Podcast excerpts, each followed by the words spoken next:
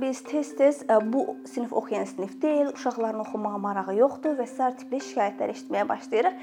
Lakin təəssüflər olsun ki, müəllim tərəfindən öz metodunu sorğudan keçirmək, bəlkə mən nə isə düz eləmirəm kimi suallar vermək çox zaman ağlına gəlmir və hətta bunu müzakirə eləmir.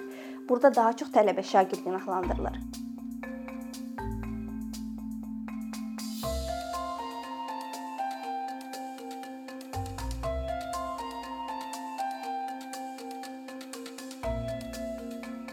Müəllimlik peşəsinə gələn istənilən adamdan ilkin olaraq tələb olunan bacarıqlar fənlə bağlı olan bacarıqlar olur.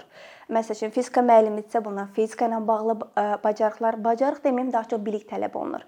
Uzun illər ölkəmizdə də eyni qayda tətbiq olunub ki, məsəl üçün bir ingilis dili müəllimidirsə, ondan daha çox ingilis dilinə aid olan qrammatik olsun, söz bazası olsun tələb olunub, lakin bunun praktiki tərəfi bir qədər geridə qalıb.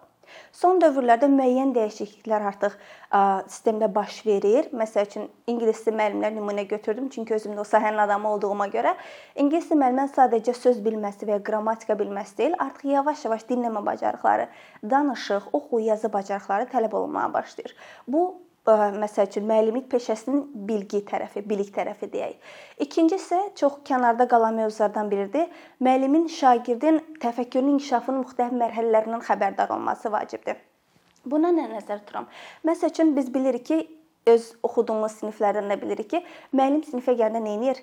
Mühazirə deyilmiş kimi o məlumatı şagirdlərə çatdırır və nəticə olaraq da Davamlı eyni metodu istifadə elədiyinə görə sinifdən sadəcə 20 nəfərlik sinifdən 2 nəfər, maksimum 3 nəfər yaxşı oxuyan tələbə olur və şagird olur. Bunun nəticəsi olaraq biz tez-tez e, bu sinif oxuyan sinif deyil, uşaqların oxumağa marağı yoxdur və sair tipli şikayətlər eşitməyə başlayırıq.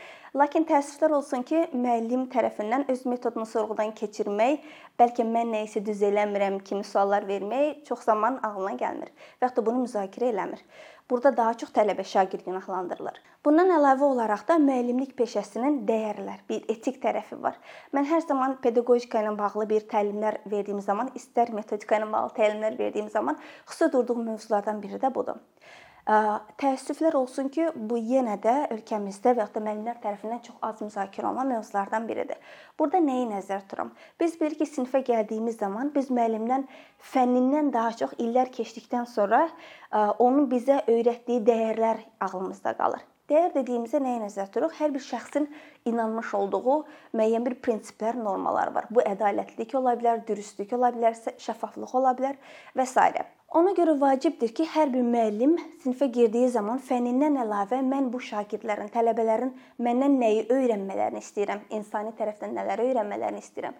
Çünki biz sadəcə fənni tətbiq eləmirik, bir vətəndaş yetişdiririk, cəmiyyətə bir üzv yetişdiririk və Azərbaycan Respublikasının qanunlarında da göstərilir ki, müəllimin vəzifələrindən biri, elə də təhsil məqsədlərindən biri sadəcə ölkəsini tanıyan, ölkəsinə hörmət edən, rəmzlərini sevən bir vətəndaş deyil, həmçinin cəmiyyətə dünyaya qarşı diqqətli, qayğıkeş bir vətəndaş yetişdirməkdir.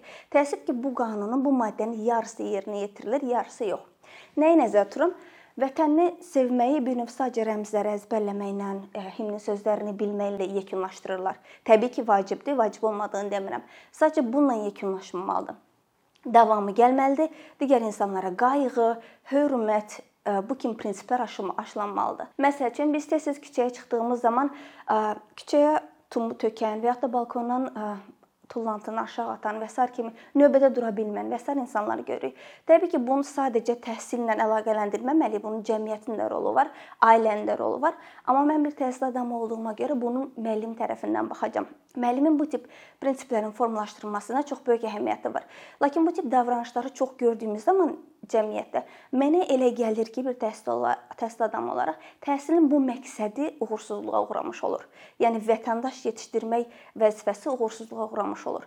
Bəs müəllim burada nə edə bilər? Bayaq dediyim kimi hər şeydən əvvəl özünə vacib olan dəyərləri müəyyənləşdirməlidir. Mənim sevdiyim şeylərdən biri də o idi ki, müəllim olaraq özümə bir dəftər ayırırdım və dəftərin əvvəlində qeyd eləyirdim. Mən il sonunadək bu sinifdən çıxanda öz şagirdlərimin və ya da tələbələrimin məndən nələri öyrənmələrini istəyirəm Mənim üçün vacib cəhətlərdən biri məsəl üçün şəffaflıq idi. Heç kimə qarşı ədalətsizlik olmayacaq.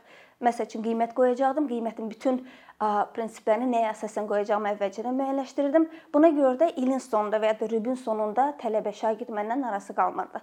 Gördü ki, şəffaflıq var, hər kəsə qarşı ədalətlilik var.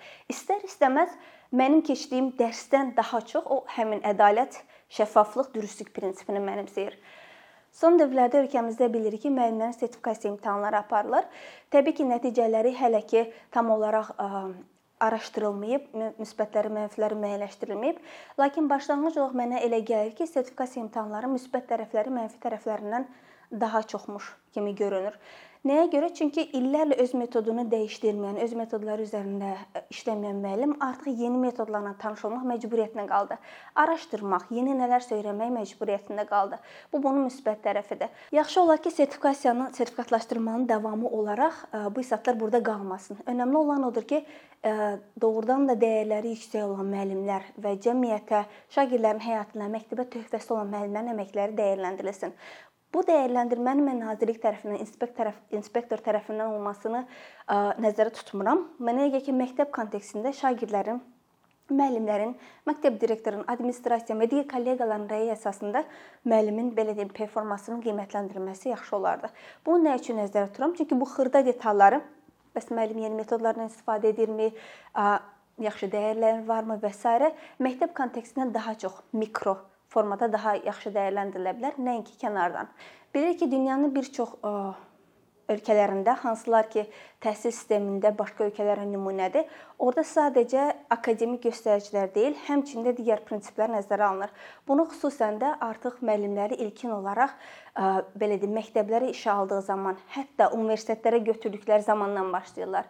Burada onların sadəcə ən yüksək göstəriciyə sahib olan belə tələbələr olması deyil, həmçində ən yüksək mənəvi bu aşılayacaq prinsiplər, dəyərlər artıq onlarda var, yoxsa yox, o da yoxlanılır. Mən həm bilik tərəfinin, həm mənəvi tərəfinin nəyə görə vacib olduğunu vurğulayıram. Çünki biz ancaq biliyə fokuslansaq, desək ki, ən yüksək elmi göstərici bizdə olmadı, riyaziyyatdan yüksək göstərici olsun, digər təhsil belə deyim, fənlər fənlərdən yüksək göstərici olsun. Sadəcə buna fokuslansaq biz bir növ robotlar yetişdirmiş oluruq. Lakin bizim məqsədimiz bu deyil. Bizim məqsədimiz sadəcə işini yaxşı görən bir insan yetişdirmək deyil. Çünki gələcəkdə robotlar bunu onsuz da edə biləcək. Bizim məqsədimiz vətəndaş, insan yetişdirməkdir. Elə bir vətəndaş, elə bir insan ki, bu cəmiyyəti, ölkəni gözəlləşdirsin.